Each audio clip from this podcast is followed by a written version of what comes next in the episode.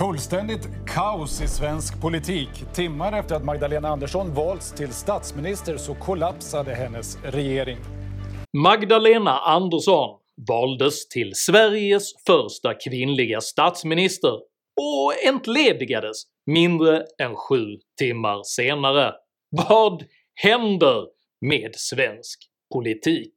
Jag heter Henrik Jönsson och jag är en oberoende libertariansk entreprenör och samhällsdebattör. Varför har svensk politik blivit så kaotisk? Vem bär egentligen ansvaret? Och vad blir resultatet av denna situation för Sverige? Dessa frågor tar jag upp i veckans video.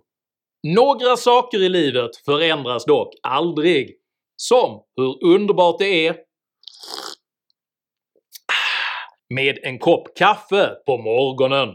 Just nu, endast under Black Weekend, har du möjlighet att beställa min helt nya officiella HJ-mugg och ett signerat exemplar av min bok “Frihetligt självförsvar” för paketpriset 395 kronor. En perfekt julklapp om jag får säga det själv.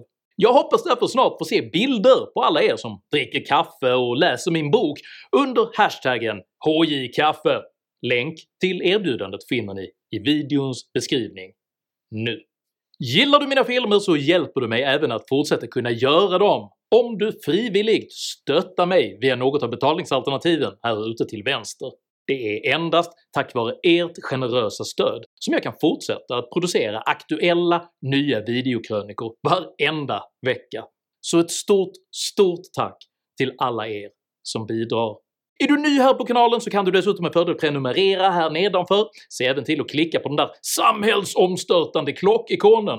Men skriv framförallt upp dig på mitt kostnadsfria veckobrev som finns länkat i videons beskrivning, så missar du garanterat aldrig när jag publicerar nya filmer, vilket jag gör med ansvarsfull stabilitet varenda lördagsmorgon klockan 08.00 svensk tid. Idag talar jag om kaos, konflikt och kontrakt. Häng med!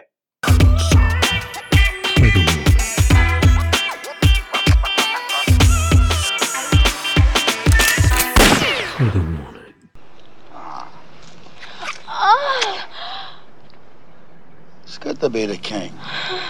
Det är härligt att vara kung, deklarerade komikern och regissören Mel Brooks stöddigt i komedifilmen “Det våras för världshistorien” 1981. Men än större makt än kungen har den som bestämmer vem som ska vara kung. Att på detta vis vara en så kallad “kingmaker” motsvarar vad vi på svenska brukar kalla en vågmästarroll det svenska begreppet är faktiskt rent metaforiskt mer träffande eftersom ingen skapar en ny härskare, utan snarare påverkar den maktpolitiska balansen så att ena eller andra vågskålen väger över. Ett stabilt regeringsunderlag kan däremot inte byggas på att alla ens samarbetspartners vill vara vågmästare.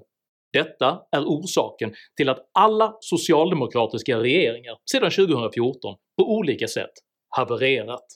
Men ingen av dessa regeringar har någonsin havererat så snabbt som Magdalena Anderssons. Den 4 november valdes Magdalena Andersson till ny partiledare för socialdemokraterna, vilka hoppades på en friktionsfri och sömlös maktrokad inför valrörelsen. Magdalena Andersson som ny partiordförande.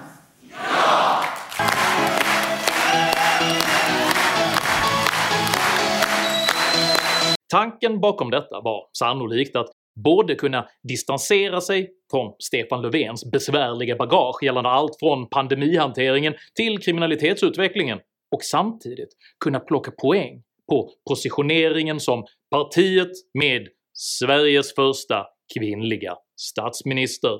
Denna strategiska feministiska triumf kom dock mycket snabbt av sig och utvecklades istället till ännu ett politiskt fiasko.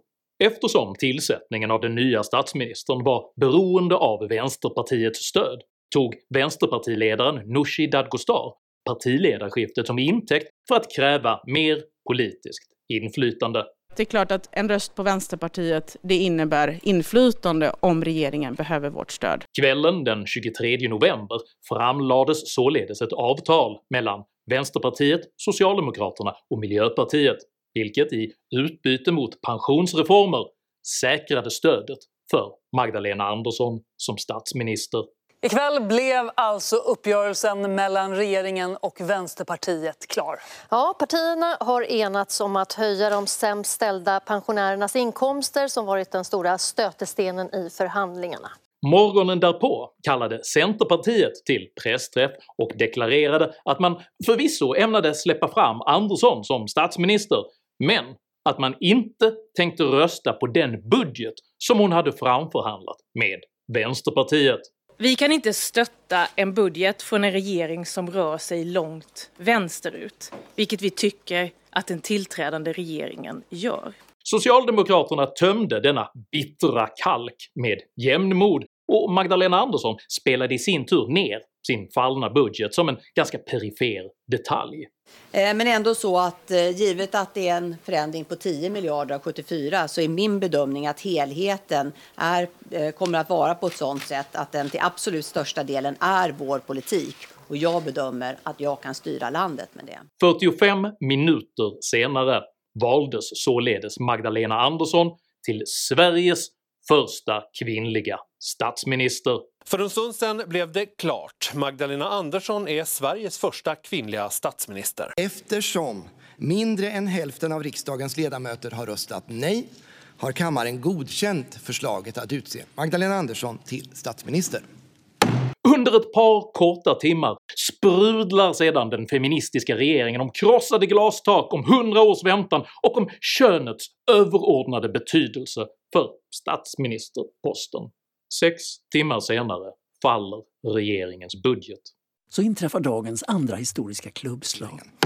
Den alldeles nyvalda statsministerns budget röstas ner till förmån för en budget från Moderaterna, Kristdemokraterna och Sverigedemokraterna. Ytterligare en timme senare meddelar Miljöpartiet att de lämnar regeringen eftersom de inte kan acceptera en budget som framförhandlats tillsammans med Sverigedemokraterna. Så har vi ett enigt parti bakom oss i att vi inte kan sitta i en regering som tvingas genomföra politik som Sverigedemokraterna har förhandlat fram. Mindre än sju timmar efter de feministiska fanfarerna fråntas Andersson statsministerbefattningen. Jag har nu träffat talmannen och begärt att få bli entledigad från befattningen som statsminister. Magdalena Andersson står nu istället fast vid att bilda en socialdemokratisk enpartiregering. Det tycks som att det finns ett stöd för mig fortsatt i kammaren och jag är fortsatt eh, redo att leda Sveriges regering. Men den här gången är det i så fall en socialdemokratisk enpartiregering som blir aktuell. Hur blev det så här? Och hur är denna situation ens möjlig?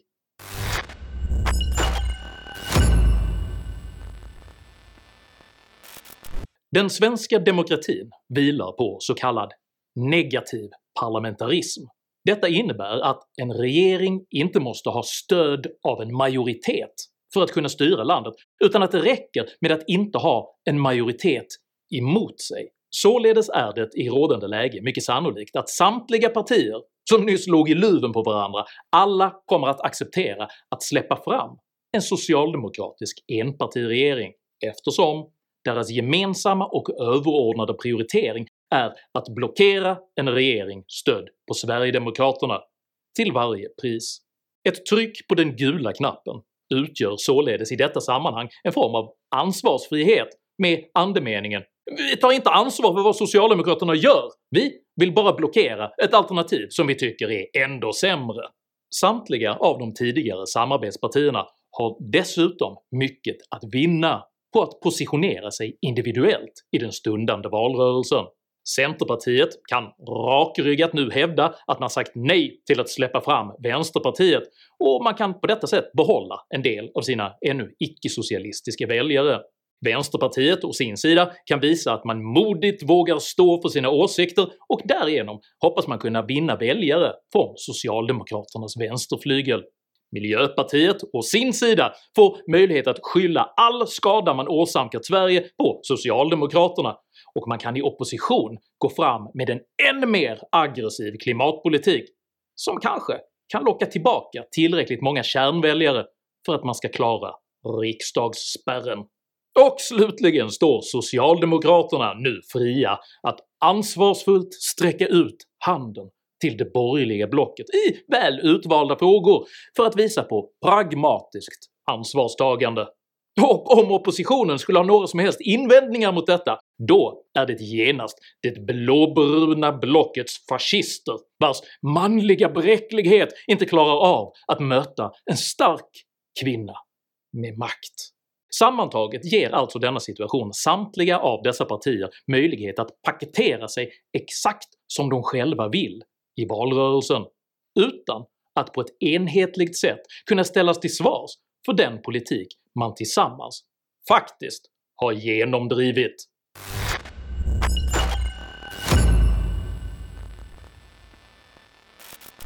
Den parlamentariska demokratin har traditionellt vilat på ideologisk representativitet. Detta innebär att riksdagen i egenskap av folkets främsta företrädare har som uppgift att spegla folkets åsikter i det politiska arbetet. Detta har historiskt inneburit att politiker med snarlika ideologiska övertygelser har valt att samarbeta för att leda landet.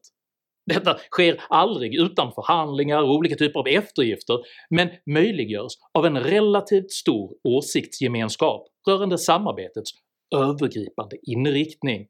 Sedan Sverigedemokraternas inträde i Sveriges riksdag har emellertid denna ordning förändrats, så tillvida att flera partier har gjort det till sin överordnade prioritet att till varje pris isolera det ovälkomna nya partiet. Ja, vi kommer ju göra. Vid varje vändning och under valet vårt uppdrag att hålla dem borta från varje form av makt och reellt inflytande. De kommer aldrig få nycklarna till Rosenbad, de kommer aldrig få sitta i statsministerns soffa och diskutera hur Sverige ska styras så länge vi finns på plats. Så stoppa igen, stoppa igen champagnekorkarna, plocka undan glasen och möt oss i debatten så får ni se hur det kommer att gå när svenska folket får säga sitt om hur Sverige ska styras.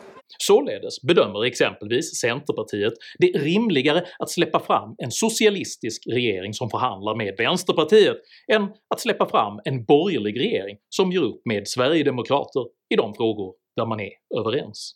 Ambitionen att isolera Sverigedemokraterna har två huvudsakliga konsekvenser.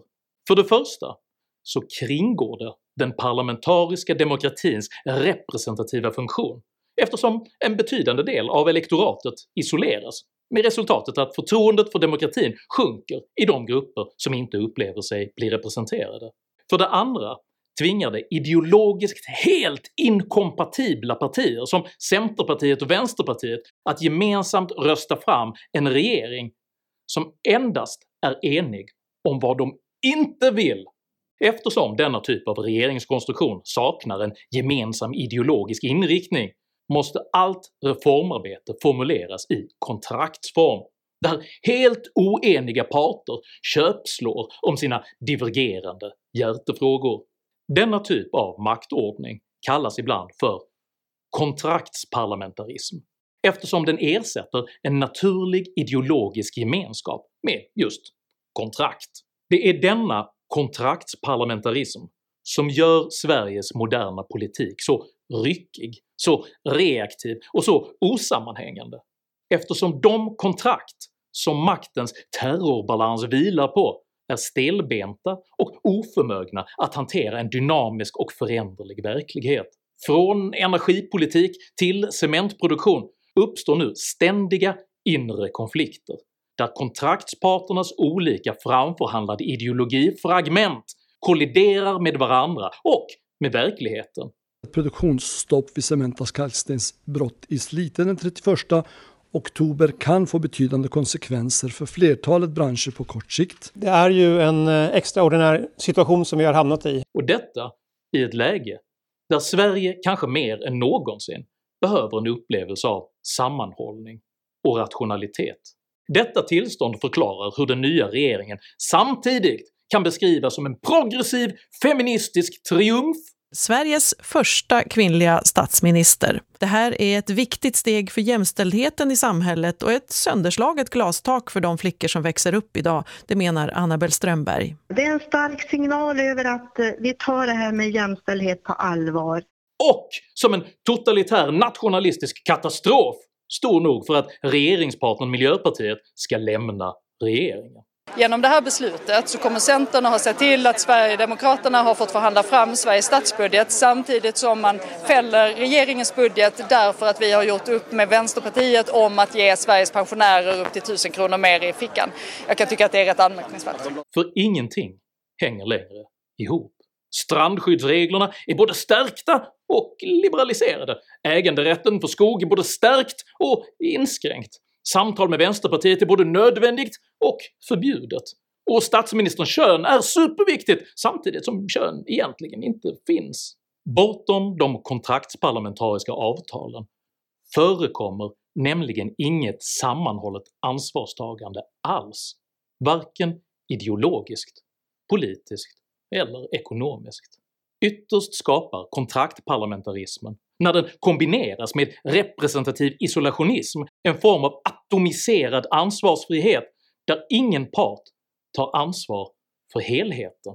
Istället hoppar partier löpande in och ut ur olika typer av kortsiktiga kontraktsamarbeten och när det väl är dags för val, då hoppar alla av så att de kan skylla problemen på varandra.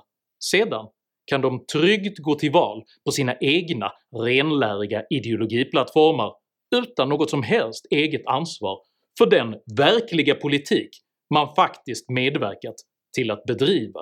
Och det yttersta offret för denna fragmentariska ordning är Sverige som land, vilket i en mycket svår tid inte ens bevärdigas en sammanhängande politisk riktning utan istället bombarderas med motstridigt framförhandlade ideologiska spillror och fragment.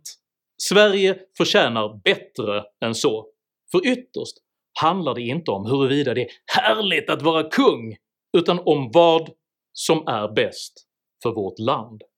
Tycker du det är viktigare att den representativa demokratin tillåts vara just representativ än att man med olika typer av smarta knep och tricks försöker isolera ideologiska meningsmotståndare.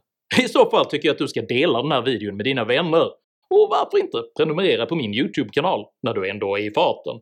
Vill du vara med och diskutera Sveriges nya regering i kommentarsfältet här nedanför? Utmärkt! Jag uppskattar verkligen all respektfull kommunikation, men tänk på att alltid vara artig. Jag tolererar inte aggression, personpåhopp eller rasism i mina idédrivna kommentarsfält. Och jag vill inte se några vulgariteter riktade mot partiföreträdare oavsett hur frustrerande det kan vara att lyssna på dem ibland. Tack för att ni som kommenterar respekterar detta. Jag heter Henrik Jönsson och jag tror på folket i högre grad än på dess politiker. Tack för mig och tack för att ni har lyssnat.